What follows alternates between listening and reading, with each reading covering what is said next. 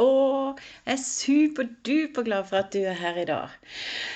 Fordi jeg både har noe nytt til deg som du kan høre om litt. Og så tenkte jeg at i dag så skal vi snakke om mm, en litt eh, vanskeligere oppgave enn det jeg har forsøkt å mane opp til i det siste. Og ja, det er kanskje det siste du trenger å høre akkurat nå, men eh, de det handler om, trenger det virkelig. Og de det skal handle aller mest om for barna, selvfølgelig, for det er det vi holder på med, det er altså FAU og B-skole. Og er du innenfor en av de to, så hør på. Og hvis du er forelder, ja, så er det lurt at du henger på likevel. Sånn at du kan justere meg hvis jeg tar feil. Klart vi må snakke om den ene som er hjemme. Den ene dårlige samvittigheten som vi har. Du og meg. Velkommen til ukens episode. Og nå, nå kommer den første nye, nemlig en ny intro. Tine her, antimobbeentusiasten som mener at bak hver suksess i mobbesaker står solide voksne med en helt spesiell evne, en iver og vilje, i tillegg til en stor porsjon pågangsmot. Jeg har bygget en virksomhet tufta på å gi støtte og drahjelp til foreldre og skoler i hele landet. I det å ta tak og hjelpe enkeltbarn, som klasse og skolemiljø. Både kjappere, mer treffsikkert og i fellesskap. Hver uke er jeg på øreproppene dine, deler tips og triks for å hjelpe deg bli akkurat så god som du kan bli i din rolle når du skal hjelpe barn i kjølvannet av mobbing. Hørte du introen? Jeg håper at du likte den. Åh. Jeg har aldri snakka så fort. Men, men. Ok, Det vi skal snakke om i dag, er altså barn som blir hjemme på et eller annet tidspunkt i kjølvannet av mobbing. Før vi går i gang, så vil jeg at du skal huske på, for all del, på at her er det ingen fasit. Det er ingen to helt like tilfeller. Vi er jo alle mennesker med ulike personligheter, ulike behov ulikt lynne. Eh, og vi er ulike om vi er introverte, ekstroverte eller noe midt imellom. Ja, ja. Du skjønner hva jeg mener. Likevel så er det noen fellestrekk det går an å snakke om, som er gjengangere. Og så starte enkelt og snakke om foreldrene. Eh, og FAU først. Fordi at i hjemmene der barnet er fraværende fra skolen, så sitter det jo flere enn barnet i en helt spesiell situasjon. Foreldrene drives jo av et jag om å fikse opp i situasjonen for sitt barn. Kontaktinstanser for å få hjelp. Og de føler veldig på det presset, både fra skole, men også lokalsamfunn. Om dette her med 'kan du ikke bare'? Det gir belastningsskader. Ikke vær i tvil om det. Men det er ikke det jeg er på jakt etter akkurat nå. Det er den manglende forståelsen for disse foreldrene fra f.eks. FAU den håndsrekningen som de kanskje så trenger nå, før et beintøft skoleår er over, den uteblir jo fra alle hold. Hvem heier på foreldre? Hvem klapper de på skuldrene for å stå på? Hvem gir de nyttig informasjon når det stormer som verst for foreldre? Hvem?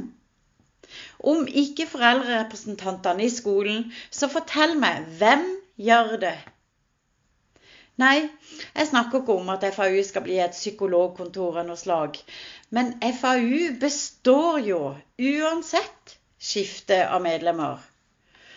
FAU kan lage informasjonsbank med nyttig stoff til foreldre på så utrolig mange områder, som mobbing, skolemiljøloven, skolevegring eller ufrivillig skolefravær, på PTSD osv. osv. Av relevans og til hjelp for disse foreldrene. Og så kan FAU faktisk følge med på skolens reaksjoner, fange opp kommunens håndtering og bidra til at skole og kommunenes sedvane, altså deres gjentatte reaksjoner og håndtering, kommer for en dag når en enkeltsak håndteres på samme lite gode måte. FAU skal ikke blande seg inn i enkeltsaker, nei. Men om den ene saken etter den andre gjør at barn blir hjemmeværende, blir meldt til barnevernet osv., ja, så bør det vel ringe noen alarmer. Og FAU kan reise seg opp. Nei, nå, nå snakker jeg meg helt bort. For å avslutte FAU sin rolle, så skal jeg nevne to ting jeg anbefaler FAU å gjøre. Det ene er at det godt kan reises et tema på neste møte. Det er altså hvor mange familier det er snakk om på vår skole. Hvor mange som nærmest er skjøvet utenfor lokalsamfunnet. Hvordan kan FAU ha en rolle i å jobbe foreldrene tilbake? Og hvordan kan FAU bli en viktig eh, bidragsyter? FAUs rolle som informasjonsformidler er jo aktuell her. Aktivitetene FAU drar i gang, er vel noe disse foreldrene og familiene bør inviteres inn i. Er det noe annet FAU kan bidra til? For det andre, og aller først, ja, denne uka så anbefaler jeg FAU å gjøre en direkte henvendelse til foreldrene. Det kan gjøres på så veldig mange måter. Men f.eks. et kort i postkassa eller en SMS fra FAUs leder. Det er jo en tekst som kan lages i FAU, eh, brukes litt tid på, og kan lagres i FAU sine arkiver og gjenbrukes til andre familier. Er dere med på den? Det er en god gest å gjøre til disse foreldrene, tenker jeg da til lærere, eller til alle egentlig som hører på. Enhver lærer, vil jeg påstå, har en dårlig samvittighet. Det kan være hva som helst. Men har man elever som ikke makter å være i sitt eget klasserom, så er det en dårlig samvittighet. Og så kan en tenke at det er så vanskelig og komplisert at en ikke kan gjøre noe for den ene før sommerferien. Og jeg håper at i dag så beviser jeg det feil. Er det noe du skal sørge for at du har tid til, så er det vel å gjøre én gest overfor denne eleven som er hjemmeværende. Selv om det kan være flere årsaker til at en elev blir hjemme. Og hver elev varierer i alder og personlighet og står i ulike situasjoner og ulik grad av, av, av, helseutfordringer, så deler de altså da utenforfølgelse og ensomhet. Skammen og forlegenheten. Frustrasjonen, fortvilelsen. Presset og utryggheten i større eller mindre grad. I tillegg til så mye mer. I denne situasjonen er det så mange minutter som de har til å tenke på sine jevnaldrende på skolen. Som ler, som leker, som lærer, som utvikler seg, som henger sammen og har det så kult. Og egen situasjon kan da føles enda kjipere. Og så er det mange minutter til å tenke på det som sin lærer. Hvorfor du ikke gir lyd fra deg, selv om eleven sjøl ikke makter å svare.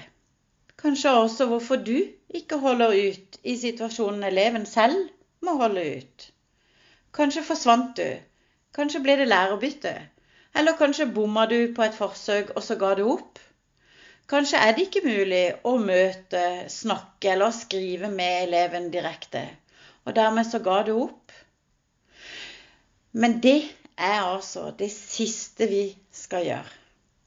Heller så opplever jeg at eh, de antallet minuttene som de venter på oss, de fyker jo vekk for oss i, i 14 uh, ulike gjøremål. Og det er ikke noe annerledes for meg i den rollen som antimobbeentusiasten som jeg har i dag. Klokka bare tikker og tikker, og du jobber og jobber og jobber. og jobber. Eh, mens den ene som ikke har noe å gå til, som kanskje ikke har venner, som kanskje ikke har noe annet, enn seg sjøl hjemmeværende. Eh, isolert, nærmest, da. I hvert fall i, i følelsen av det å sitte i ensomhet. Ja, så er jo minuttene mange. Må, må ikke glemme at, det, at for de så er jo hver dag nok en dag hvor håp svinner litt hen. Hvor ønsker eh, slukkes litt etter litt. Og før sommeren så må vi altså klare, eller det anbefaler 170% at hvis du er lærer, gjør en gest overfor eleven. Den ene eleven som er hjemme. Og det er kjempeviktig. Og du må for all del ikke forvente noe svar. Men hva det betyr, den ene SMS-en, og send den for all del til foreldrene, sånn at den kan, den kan legges i en ramme som passer barnet, eller som er der for barnet når barnet er mottagelig for å lese den. Men, men send den. Skriv de ordene. Ønsk de en god sommer. Fordi din, ditt ord har betydning uansett hvor dårlig kjemi det har vært, eller hvor dårlig og vanskelig det har vært å ha kontakt og få til noe læring og utvikling, så er ikke det det viktigste. Det er det utenomfaglige, det er det menneskelige. Menneskemøtet. Det gjør en gest ovenfor eleven som er hjemme. FAU overfor foreldrene, skolen overfor barnet. Men ta tak. Ikke la det være en dårlig samvittighet som du har i bakhodet, og som du bare lar gå, sånn at du går ut i ferie. Fordi ferien for denne familien, ferien for dette barnet, kan være to vidt forskjellige ting med en gest fra skolen og uten en gest. Og så så ønsker jeg deg ei riktig god uke. Og nå, nå kommer en ny avslutning. Ha det, ha det.